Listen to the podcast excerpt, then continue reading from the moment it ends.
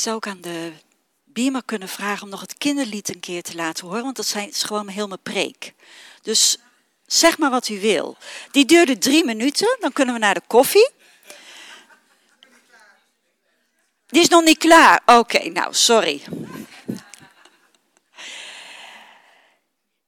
Ja, vandaag, derde advent.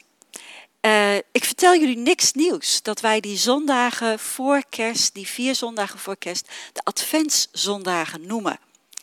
En advent betekent de komende. En God komt naar ons toe. En enerzijds kijken we met advent terug op inderdaad hè, dat Jezus naar de aarde is gekomen, dat Gods zoon mens is geworden en onder ons heeft geleefd. En anderzijds kijken we vooruit naar zijn wederkomst. Dus kijken we ook weer vooruit naar de komende. En uh, dat kunnen we eigenlijk zien uh, op de volgende slides. Dat lukken.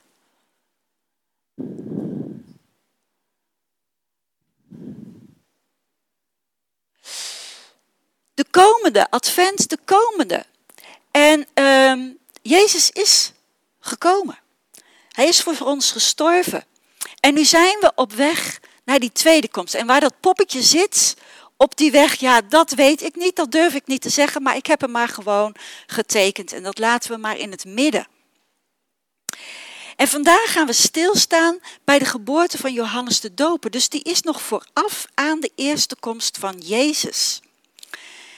En de tekst die we vandaag gaan lezen kijkt dus uit naar de komende Jezus naar de geboorte van Jezus en naar zijn lijden en sterven. Maar tegelijkertijd denk ik dat deze tekst ons ook heel veel kan vertellen over hoe wij nu tussen, uh, in de tijd tussen Jezus' eerste en tweede komst mogen leven. Nou ja, genoeg inleiding, laten we gewoon beginnen met lezen. En we gaan beginnen met uh, Lucas 1, vers 57 tot 66. Ja. Toen de dag van haar bevalling was aangebroken, bracht Elisabeth een zoon ter wereld. Haar buren en verwanten hoorden hoe barmhartig de Heer voor haar was geweest. En ze verheugden zich samen met haar. En op de achtste dag kwamen ze het kind besnijden en ze wilden het Zacharias noemen naar zijn vader. Maar zijn moeder zei: Nee, Johannes zal hij heten. En ze zeiden tegen haar: Er is niemand in je familie die zo heet. En ze beduidden zijn vader te laten weten hoe hij het kind wilde noemen. Hij vroeg om een schrijftablet en schreef erop: Johannes is zijn naam. Iedereen was verbaasd. En meteen werd zijn tong losgemaakt en zijn mond geopend en hij begon te spreken en God te loven. Alle omwonenden waren diep onder de indruk en in heel het bergland van Judea werden deze gebeurtenissen besproken. Ieder die het hoorde bleef erover nadenken en vroeg zich af, hoe zal het verder gaan met het kind? Want de hand van de Heer steunde hem. In het verhaal hiervoor in Lucas 1, 5 tot 25 staat beschreven dat Zacharias en uh, Elisabeth al op leeftijd zijn en dat ze geen kinderen hebben omdat Elisabeth onvruchtbaar is. En als Zacharias, de priester, dan dienst doet in de tempel, dan heeft hij een ontmoeting met de engel Gabriel. En deze vertelt Zacharias dat hij en zijn vrouw een kind zullen krijgen, een zoon. En dat ze hem Johannes moeten noemen. En de engel vertelt hem dat deze zoon velen uit het volk van Israël naar de Heer hun God zal terugbrengen. Dat hij voor uh, God zal uitgaan in de, in de kracht en in de geest van Elia. En zo zal hij voor de Heer een volk gereed maken. Dat is de belofte. Maar Zacharias gelooft het niet. En omdat Zacharias het niet gelooft, zal hij niet meer kunnen spreken tot de dag waarop de belofte vervuld wordt. Dus Zacharias wordt stom. En in ons Bijbelgedeelte hebben we dan gelezen dat die dag aangebroken is. Johannes is geboren. Elisabeth heeft een zoon ter wereld gebracht. En op het moment dat dit kindje een naam gekregen, uh, krijgt, denken de buren Zacharias naar zijn vader. En zijn moeder zegt heel nadrukkelijk in het Grieks: nee, nee. Hij moet Johannes heten. Ja, waarom? Er is niemand in je familie die Johannes heet. En met Zacharias zijn er bijzondere dingen gebeurd. We weten niet wat, want hij is stom. Maar er is iets gebeurd, dus we noemen hem naar Zacharias. Nee, Johannes. En dan geven ze Johannes een, een tabletje om te schrijven. En hij zegt niet alleen Johannes, maar hij zegt Johannes is zijn naam. Heel uitgebreid. En daarmee accepteert hij in feite de opdracht die de engel hem had gegeven. Want de engel had gezegd, je moet hem Johannes noemen. En nu accepteert hij die opdracht. En op het moment dat hij de opdracht van God accepteert, kan hij weer spreken. Zijn ongeloof is nu veranderd in geloof. Als ik terugkijk op dit verhaal, dan vind ik het eerlijk gezegd heel makkelijk om te oordelen over Zacharias. Ik vind hem eerlijk gezegd een beetje stom. Want ik bedoel, hoe vaak ontmoet je een engel?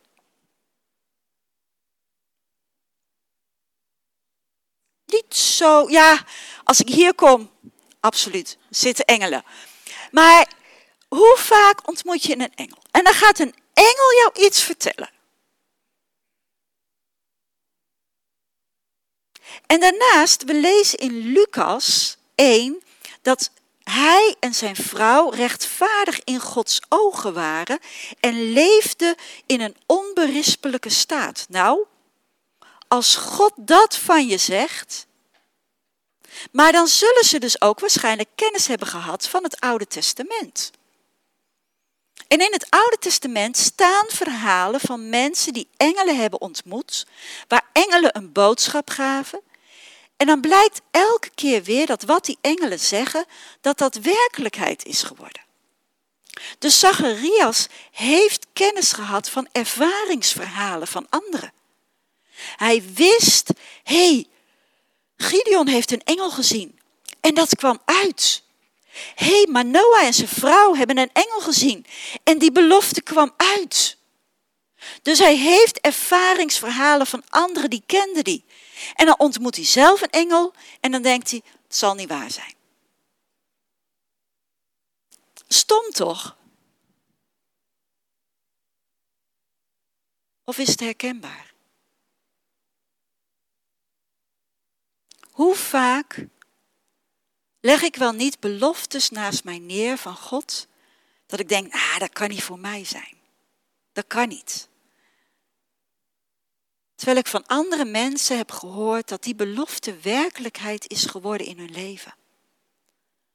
Terwijl er ervaringsdeskundigen zijn die hebben gezegd, ik heb dat werkelijkheid zien worden in mijn leven. Die belofte van God. En dan denk ik, nou, vast niet. Zacharias moest eerst zien en toen geloven. In hoeverre geldt dat voor mij? Vertrouw ik er werkelijk op dat Gods beloften ja en amen zijn? Dit gedeelte van het verhaal laat mij zien dat ook al geloof ik dat niet, dat God wel verder gaat met zijn plan. Zacharias geloofde het niet, maar God zei, ja, dan maar even buiten jouw geloof om. Jouw vrouw krijgt een zoon, jullie krijgen een zoon. Ik ga verder met mijn plan. En ja, alsjeblieft, participeer, deelneem, uh, doe mee. Laat dat ik door in en met jou mee kan werken. Maar ook al doe je dat niet, ik ga door. En op het moment dat jij weer gelooft, dat jij daar wel waarde aan hecht, ga je gewoon weer mee met mijn plan voor de wereld. Want God zegt wat ik wil, dat gaat gebeuren. En de keuze is aan ons. Zijn we stom of gaan we mee? En dan, het eerste dus wat Zacharias doet als hij weer kan praten, dat is God loven. Is trouwens ook heel bijzonder, hè? Het eerste wat je doet als je weer kan praten is God loven. Ik weet niet of dat s'morgens het eerste is wat ik doe als ik na een nacht gezwegen heb, weer doe. Maar het eerste wat hij doet is God loven. En daarna, vervuld met de Heilige Geest, spreekt hij te midden van die buren en verwanten een profetie. En deze profetie vinden we in de versen 87, 67 tot 79. En deze profetie heeft betrekking op Jezus, behalve de versen 76 en 77. Die slaan op Johannes de Doper. Maar laten we hem gaan lezen. Uh, Lucas 1, vers 67. En zijn vader Zacharias werd vervuld van de Heilige Geest en sprak deze profetie. Geprezen. Zult even terug moeten. Ja. Geprezen zij de Heer, de God van Israël. Hij heeft zich over zijn volk ontfermd en het verlost. Een reddende kracht heeft Hij voor ons opgewekt, uit het huis van David zijn dienaar, zoals Hij van oudsher heeft beloofd bij monden van zijn heilige profeten. Bevrijding uit de hand van onze vijanden, uit de greep van alle die ons haten. Zo toont Hij zich barmhartig jegen onze voorouders en herinnert Hij zich zijn heilig verbond. De eed die Hij gezworen had aan Abraham, onze vader dat wij, bevrijd van onze vijanden en vrij van angst, Hem dienen zouden. Oprecht en toegewijd, ons leven lang. En jij, mijn kind, jij zult genoemd worden profeet van de Allerhoogste. Want voor de Heer zul je uitgaan om de weg voor Hem gereed te maken. En om zijn volk bekend te maken met hun redding, door de vergeving van hun zonden. Dankzij de liefdevolle barmhartigheid van onze God zal het stralende licht uit de hemel zich over ons ontfermen. En schijnen over alle die in de duisternis verkeren, in de schaduw van de dood, zodat we onze voeten kunnen zetten op de weg van de vrede. Deze profetie, door Zacharias uitgesproken, begint met de woorden: Geprezen zij de Heer. En dat is volgens mij, ja. Uh, nee, je kunt doorscrollen. Dus je moet nog even verder, denk ik. Oké, dan mag je terug. Even wachten. Ja, ga maar verder.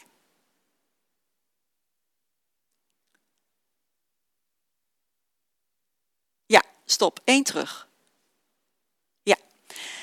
De profetie begint met geprezen zij de Heere, de God van Israël. En dat is een zin die de buren en verwanten bekend in de oren hebben geklonken. Want deze zin komen we regelmatig tegen in allerlei psalmen. Dus hij begint met iets bekends, Zacharias. Maar deze oude vertrouwde woorden gaat Zacharias dan een nieuwe invulling geven. Want waarom is de Heere, de God van Israël, geprezen? Omdat hij zich ontfermd heeft over zijn volk en het verlost heeft. Omdat hij een reddende kracht uit het huis van David voor ons heeft opgewekt. En wat opvalt in deze verse is dat hier in de verleden tijd gesproken wordt over iets wat nog moet gaan gebeuren. Want Zacharias heeft het hier niet over de verlossing uit Egypte, die achter hen ligt, over die bevrijding, maar hij heeft het over de verlossing van Jezus, die Jezus gaat brengen. Want deze eerste zin, hij heeft zich verlost over zijn volk en het verlost, ja, die kan op Egypte slaan. Dat heeft God daar gedaan. Maar toen was er nog niet sprake van een reddende kracht uit het huis van David, zijn dienaar. Die moet nog komen. Dus Zacharias wijst hiervoor uit naar de geboorte van Jezus en naar zijn lijden en sterven en opstanding. Want daar zit die reddende kracht in. Hij wijst vooruit in de verleden tijd. Alsof het al gebeurd is. Alsof het al werkelijkheid is. Het is er nog niet, maar hij doet alsof het er is. En wat gebeurt daardoor? Hij brengt het komende daardoor naar het nu. Naar wat nu het leven bepaalt. Toen de engel Gabriel tot Zacharias sprak, kon, durfde hij dat niet te geloven. Eerst zien, dan geloven. Nu zegt hij, ik geloof en daardoor zie ik het. Ik spreek in geloof iets uit wat er nog niet is, maar wat ik als het ware tot zien, tot aanzijn roep. Hij gelooft nu dat Gods belofte werkelijkheid gebeuren. Eerst zag hij, toen geloofde hij, nu gelooft hij, waardoor hij ziet. En dat is een ommezwaai. En dat laatste is veel rijker. Want doordat hij nu gelooft, dan heeft hij dus vertrouwen in die belofte die God al wel in het Oude Testament heeft gesproken over die Messias. En daardoor kan die kracht uitputten. Het gaat waar worden. En dan put hij daar kracht uit, moed uit, liefde, blijdschap uit. Maar het bepaalt ook zijn blik naar de toekomst. Dit gaat werkelijkheid worden.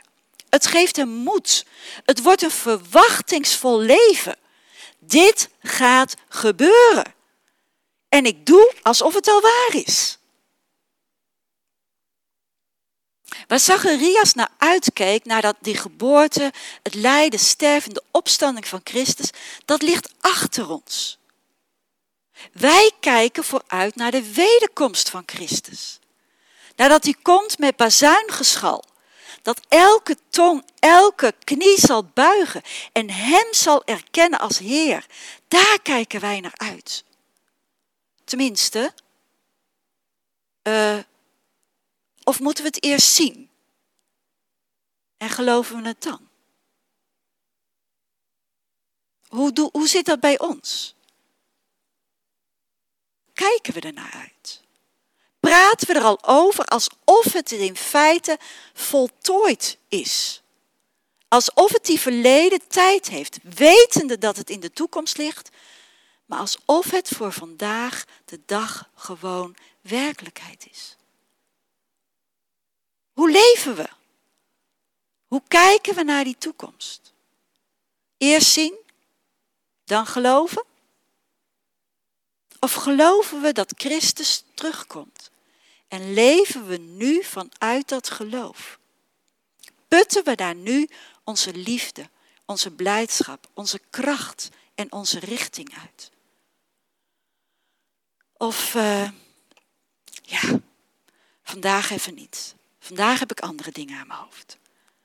En morgen waarschijnlijk ook en overmorgen ook. Nou, ik, ik zie het gewoon wel als die komt. En dit verhaal, deze versen dagen mij uit. Spreek in de verleden tijd. Maak het werkelijkheid in je leven van nu. Dat Hij terugkomt. Put daar kracht uit. de keus is aan ons. In de versen 71, 74 en 75 lezen we dan waar die ontferming, verlossing en reddende krachten toe leiden.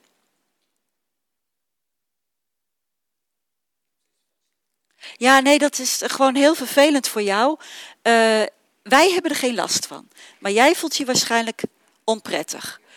Ja, geef niet. Ik, uh, ik lees ze gewoon. Waar leidt die verlossing toe? Uit bevrijding van de hand van onze vijanden, uit de greep van alle die ons haten. Dat wij, bevrijd van onze vijanden en vrij van angst, Hem dienen zouden, oprecht en toegewijd ons leven lang. Dus wat bewerkt die reddende kracht? Nou, als allereerste we in 71, bevrijding uit de hand van onze vijanden. Dat gaat die Messias doen, profeteert hij. En het Griekse woord voor bevrijding, dat wordt meestal vertaald met verlossing. En het verwijst naar het loskopen van hen die in de macht van een ander zijn gekomen. Je maakt iemand schuldenvrij. Je zet hem vrij van de schuld die hij heeft.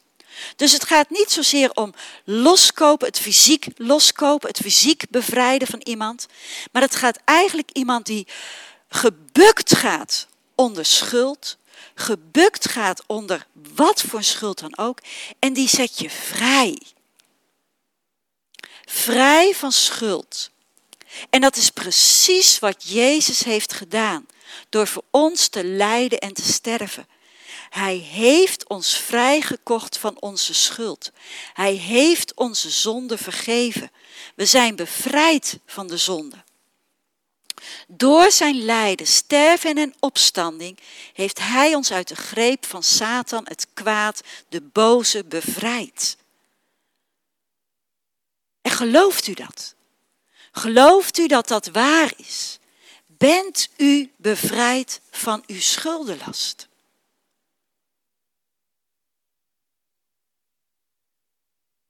En als we dat zijn, dan kunnen wij vrij van angst God dienen.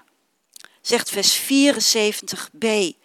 En vrij van angst hem dienen zouden. Hoort u hoe het er staat? Vrij van angst hem dienen. Eerst vrij van angst. God wil niet dat we hem dienen uit angst. Misschien ik dien hem, want stel je voor dat ik anders toch niet in de hemel kom. Of stel je voor dat ik dan toch geen zegen krijg. Of stel je voor dat. Ik, ik wil God toch te vriend houden. Dat wil God niet. Hij zegt, vrij van angst. En dan mag je me dienen. En dat betekent dus dat we ons heel goed realiseren Jezus heeft ons vrijgekocht en daar kunnen wij niets aan toevoegen. We kunnen er niets aan afdoen en we kunnen er niets aan toevoegen.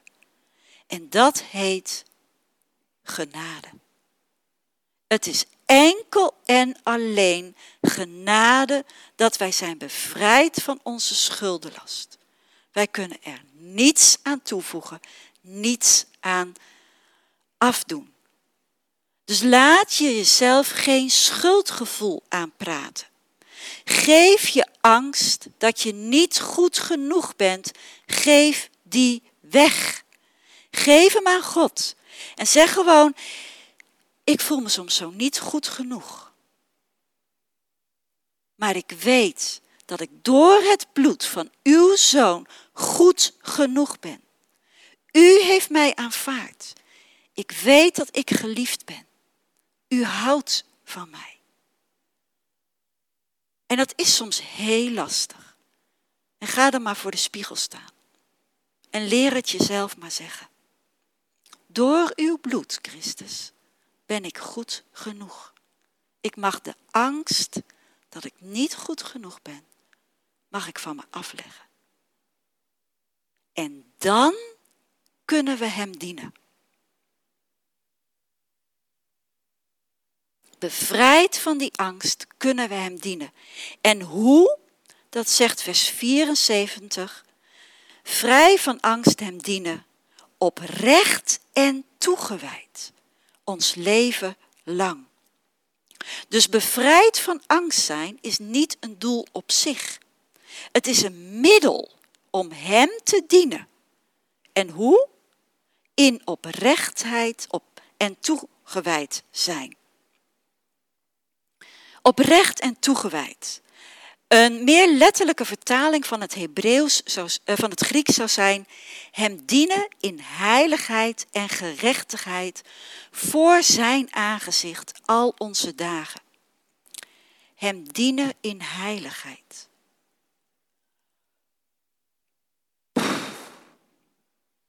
Zullen we dan toch maar niet oprecht doen? Hem dienen in heiligheid. Jongens, dan ligt de lat hier. Toch? Of niet? Want wat is eigenlijk heiligheid? Wat is heilig? Nou, laat ik hem zo vragen. Wie is heilig? En dat is alleen God. Alleen God is heilig. Dat hoort bij Hem. En Hij is de bron van heiligheid. Niets of niemand kan uit zichzelf heilig worden. Alleen als God zich verbindt met de mens of met een voorwerp, kan Hij iets van Zijn heiligheid overdragen op die mens. Dus als God zich verbindt met een mens die zegt: Ik wil bij u horen, dan draagt hij iets van die heiligheid over. Heiligheid is dan in feite ook op te vatten als gewijd. Alles wat van Hem is, is dat aan Hem gewijd is, is in feite heilig. Ja, dan wordt heiligheid een veel mooiere vertaling. Want het laat zien dat het dienen van God alleen maar door God zelf mogelijk wordt gemaakt. Want als ik moet dienen in heiligheid, dan het enige wat ik kan doen, is dan dat van Hem ontvangen. Ik kan dat niet zelf bewerken, want ik ben niet heilig, ik word niet heilig uit mezelf, wat ik ook probeer. Want alleen Hij is heilig, dus dan kan ik het alleen van Hem ontvangen. En dat moet ik dan reflecteren. Dus dienen in heiligheid is niets anders dan ontvangen van Hem en dat doorgeven aan een ander. Ja, dan klinkt het toch beter dan oprecht. Want dat lijkt alsof ik het moet doen. En dat kost moeite. Mij althans. Maar als het dienen van God het niets anders is dan het van Hem ontvangen en doorgeven, dan doe ik het niet in eigen kracht, maar dan doe ik het in Zijn kracht, in Zijn heiligheid. En dan wordt het gerechtigheid, wordt ook vanzelfsprekend te dienen in rechtvaardig, in heiligheid en gerechtigheid. Want als ik God reflecteer, als Zijn heiligheid door mij heen gaat, wat zien dan de mensen? Naast die heiligheid zien ze ook gerechtigheid. Want wat is God? God is rechtvaardig. God heeft de dingen rechtgezet door het bloed van Jezus Christus. Hij zet mensen in hun kracht, in hun positie. Hij doet hun recht. Dus hier staat in feite dat vrij van angst hem dienen. Nou, eigenlijk gewoon hem reflecteren. Zijn wie hij is. En dan ook nog voor zijn aangezicht. Dus eigenlijk huppel ik voor hem uit. Zijn licht schijnt over mij heen en eigenlijk zien de mensen hem. En dat maakt het opnieuw. Ik mag hem dienen. En op die manier kan ik andere mensen laten zien wie hij is, zodat zij ook zien wie hen wil bevrijden, wie hen wil verlossen. En dan, na twee versen geprofiteerd hebben over Johannes, lezen we in vers 78.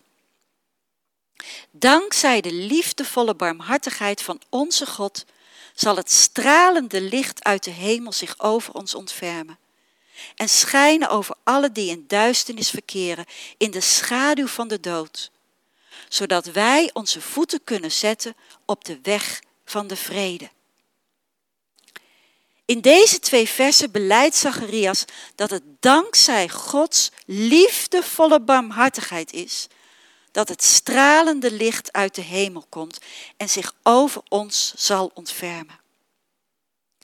En over dat stralende licht heeft Jezaja ook geprofiteerd. En ik denk dat we die tekst kennen uit Jezaja 9 vers 1. Hij staat niet op de beamer. Het volk dat in duisternis ronddolt, ziet een schitterend licht. Zij die in het donker wonen, worden door een helder licht beschenen.